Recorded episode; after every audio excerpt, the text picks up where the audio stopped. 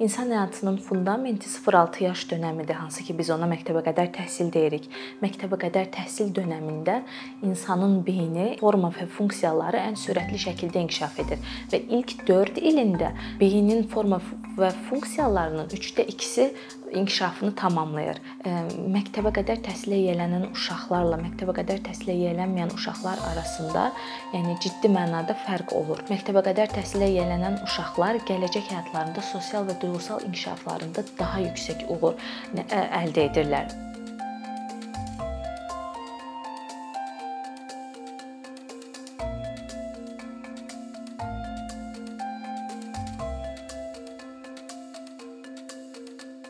Bir çoxu düşünür ki, bağça, yəni dövlət məktəbə qədər təhsil müəssisələri sadəcə baxım qayğı mərkəzləridir. Amma e, düzdür, müəyyən mənada baxım qayğı mərkəzləridir, amma bununla yanaşı orada bir təhsil sistemi var. Yəni orada e, müəyyən bir məşğələlər, uşaqların inkişafı üçün müəyyən bir fəaliyyətlər var. E, məsələn, fiziki inkişafı düşünək. Fiziki inkişaf, yəni motor bacarıqlardır, hərəkətdir. Bu sadəcə idmandan ibarət deyil. Bu daha geniş bir sahədir. Belə hansı ki, burada uşağın çevik hərəkət etməsi, müqavimət göstərə bilməsi, bədənini tarazlaya bilməsi, əl və barmaqlarını hərəkət elətdirə bilməsi, bunların hər biri bir mənalı olaraq beynin inkişaf etməsinə təsir göstərir. Fiziki inkişafla yanaşı idrakın inkişafına gəlin nəzər yetirək. Yəni burdakı olan problemli yanaşmaya nəzər yetirək. Bir çox valideynlər və tərbiyəçi müəllimlər düşünür ki, uşağa hər hansı bir məlumatı əzbərlətdiyimizdə uşağa hər hansı bir məlumatı ötürdüyümüzdə, yəni informasiyanı uşaq qəbul edəndə uşaq ağıllı olur, onun idraki inkişaf edir. Amma bu yəni bu belə deyil.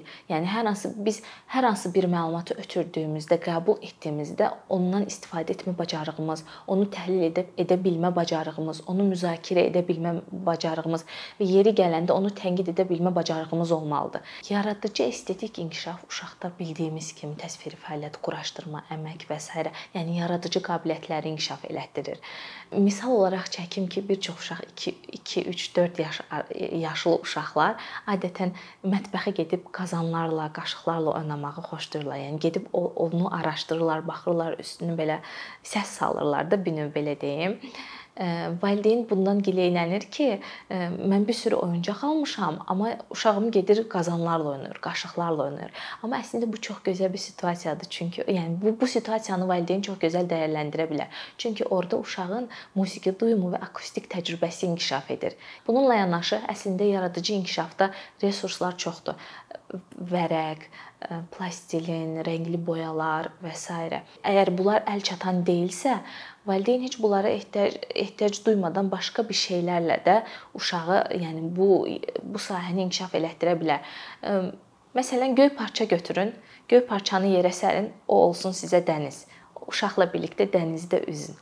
Onda fiziki inkişaf elə orada artıq motor bacarıqları da təsir göstərəcək və uşaqda müəyyən mənada fiziki inkişaf da gedəcək. Həm də xəyal gücü inkişaf edəcək. O onun təxəyyülünə gətirəcək məktəbə qədər təhsildə sosial sosial emosional inkişaf düşünün ki, pik nöqtədir. Yəni uşaq bağçaya gedir, orada sosiallaşır, müəyyən mənada ünsiyyət bacarıqlarına sahib olur. Yəni bu sosial inkişaf digər 3 inkişaf sahəsinin cəmidir və bununla yanaşı uşağa, yəni danışmağı, ünsiyyət qurmağı öyrətməliyik. Təcrübələrimdən görürəm ki, bir çox valideyn uşaqla ünsiyyət qurmur ya da onun suallarını, bir çox suallarını cavablandırmır ya da cavablandırdığında müəyyən mənada cavabı ilə yola verir. Əslində düşünür ki, o uşaq balacadır, o onu başa düşməyəcək, amma bu, yəni bu doğru yanaşma deyil. Nə olursa olsun uşağın 3 yaş dövründə uşaqlar adətən çox niyə sualını verirlər və çox belə danışırlar, çox ünsiyyət qurmaq istəyirlər. Çünki onlar kəşf etmə dövründə olduqları üçün onlara hər şey bir mənalı olaraq maraqlı gəlir. Mütləq şəkildə burada valideynin edəcəyi şey uşağı axıra qədər dinləmək, suallarını cavablandırmaq və sualını düzgün şəkildə cavablandırmaq lazımdır. Bəzən olur valideyn valideyn uşağa hər hansı bir şərt qoyur bunu etməsən səni parka aparacağam. Bunu e, bunu etsən səni sənə müəyyən mənada şeylər, müəyyən bir hədiyyə alacağam və s. Əgər bunu etməyəcəksinizsə uşağa onu deməyin, o vədi deməyin. Çünki ilkin olaraq uşaqda güvəni zədələyirsiniz. Düşünün ki, bu uşaq anasının o sözü ilə anasına güvənmirsə, yəni heç kəsə güvənməsin. Çünki anası onun ilk həm ilk müəllimi, həm ilk rol modelidir. Bayaq qeyd etdiyim kimi, bir çox valideyn düşünür ki, bağçalar sadəcə qayğı mərkəzləridir. Yəni əgər ana işləyirsə, düşünür ki, mən uşağımı ora aparım, mən öz işimi asanlıqla görüm, uşağım orada yesin, yatsın, yəni uşağıma baxsınlar. Amma bu bununla məhdudlaşmır. Çünki orada bununla yanaşı, yəni uşağın yeməyi, qidasıdır, geyimdir, yatmağıdır və s. bununla yanaşı orada müəyyən bir təhsil var. Yəni müəyyən bir fəaliyyətlər var. Bağçaya gələn uşaqların bütün gün günü bağçada keçir, yəni səhərdən axşama qədər. Valideyn artıq bunu nəzərə almalıdır ki, uşaq bütün gününü bağçada keçirir, evdən uzaq qalır, evi ilə yanaşı məndən də uzaq qalır və artıq o uzaq qalmanı balanslaşdırmalıdır. Yəni bağçadan sonra onun onunla müəyyən mənada məşğul olmalıdır, müəyyən mənada vaxt keçirməlidir və bunu yola verərək etməməlidir. Yəni siz artıq uşağı həmin situasiyada yola versəniz, uşaq bunu hiss edəcək və sizdən uzaqlaşacaq. Mən adətən uşaqlara ev tapşırıqları verirəm. Yəni uşaqlara deyəndə bizim valideyn qrupumuz var və ev tapşırıqları adətən yazıram və ev tapşırıqları sizə qeyd edim ki, valideyn müəllim əməkdaşlığının əsas təməl hissəsidir. Yəni çox effektiv işlənən bir metoddur. Ev tapşırıqlarında məsələn güllə əkirlər uşaqlarla birlikdə, amma bunun şəkillərini də istəyirəm. və çox gözəl bir situasiya olur. Ya da ata işləyir, həyat həyatda ata işləyir, uşaq ona kömək eləyir.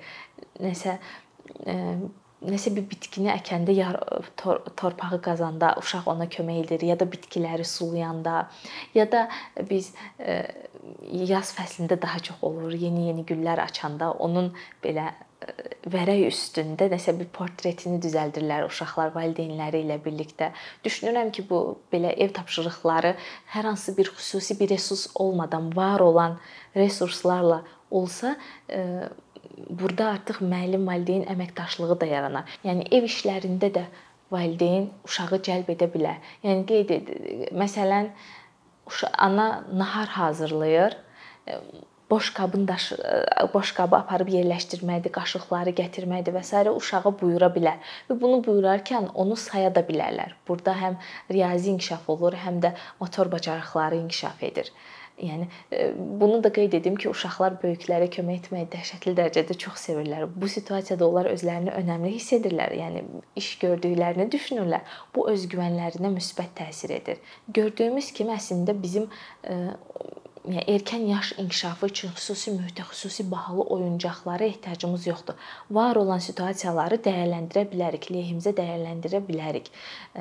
Çəkdiyim misallardan bunu görərik. Sadəcə burada xırda bir nüans var ki, valideynin yanaşma tərzi uşağa qətiyyətli və səbir, yəni səbirli yanaşmalıdır. Yəni o nəzərə alınmalıdır ki, qarşımızda uşaqdır. Yəni mükəmməliyətçilik gözlənilməməlidir uşaqdan. Düşünün ki, uşaq geyimini geyinir. Yəni 3 yaşı var, 4 yaşı var. Çalışın uşaq o geyimi özü geyinsin. Tamam bunu səhv geyinə bilər. İlk dəfəsində səhv geyinə bilər, ikinci dəfəsində səhv geyinə bilər. Hətta bu səhv geyinməyi belə əyləncəyə çevirə bilərsiniz. Yəni dəyərləndirə bilərsiniz ki, "Anne, qəşəng göründün. Bu fərqli bir tərzdir." Artıq bu, bunu etdiyinizdə uşaqda fərqli yanaşma metodu inkişaf elətdirmiş olursunuz. Yəni tez ona o məsələn uşaq öz geyimini geyinir ona tez reaksiya verməyin ki, bu səhvdir, gəl bunu düzəldək. İmkan verin uşaq onu özü özü həll etsin. Bir dəfəsində səhv geyindiyində bizdə bağçada olur məsələn uşaqlar yatma saatına gedirlər duranda mən çalışıram ki, onlar özləri geyinsinlər. Məsələn bir dəfəsində səhv geyinirlər, ikincisində onu düzəldirlər. Çox təəssüf ki, valideyn bunu görəndə düşünür ki, bağçada uşağıma yaxşı baxmırlar. Uşağım səhv geyinir, evə səhv geyimi ilə gəlir, yəni tərsinə geyinir koftasını, amma bu elə deyil, yəni. Sadəcə biz orada uşağa özü o problemi həll etmə imkanı veririk ki, o problemi həll etsin, elə yanaşsın bütün bu sadaladıqlarım əslində, yəni biz belə mən belə fəaliyyət olaraq danışıram. Yetkin yaşlılar, valideynlər, hər kəs bunu fəaliyyət olaraq danışır, amma uşaqlar onu oyun olaraq görürlər. Yəni bir çoxumuz bilirik ki, uşaqların əsas fəaliyyət növü oyundur. Onlar hər nə etsələr də oyun oynadığını düşünürlər. Siz də bu bunu, yəni düşünün ki, yəni edəcəyiniz hər hansı bir fəaliyyəti düşünün ki, onunla oyun oynayaraq edirsiniz. Artıq oyunda müəyyən mənada rola girirsiniz. Səs, səs tonunuz, intonasiyanız, baxışlarınız daha pozitivə kökləndiyinizdə uşaqda maraq yaradırsınız. Uşaqda maraq yaratdığınızda onun diqqətini cəlb edirsiniz. Biz yəni bu sadaladığım bütün fəaliyyətləri e, uşaqla birlikdə etdiyimizdə ona öyrənməyi öyrədirik. E, yəni nəticə etibarilə öyrənmə e, həyatımızın hər anında baş verən bir prosesdir.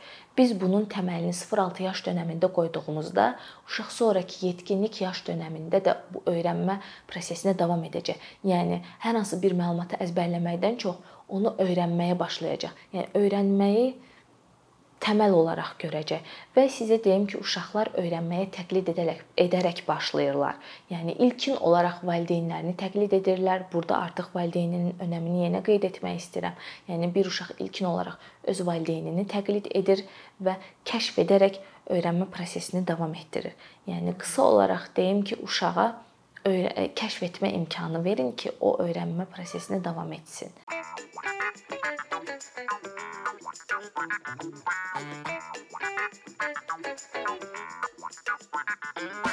you.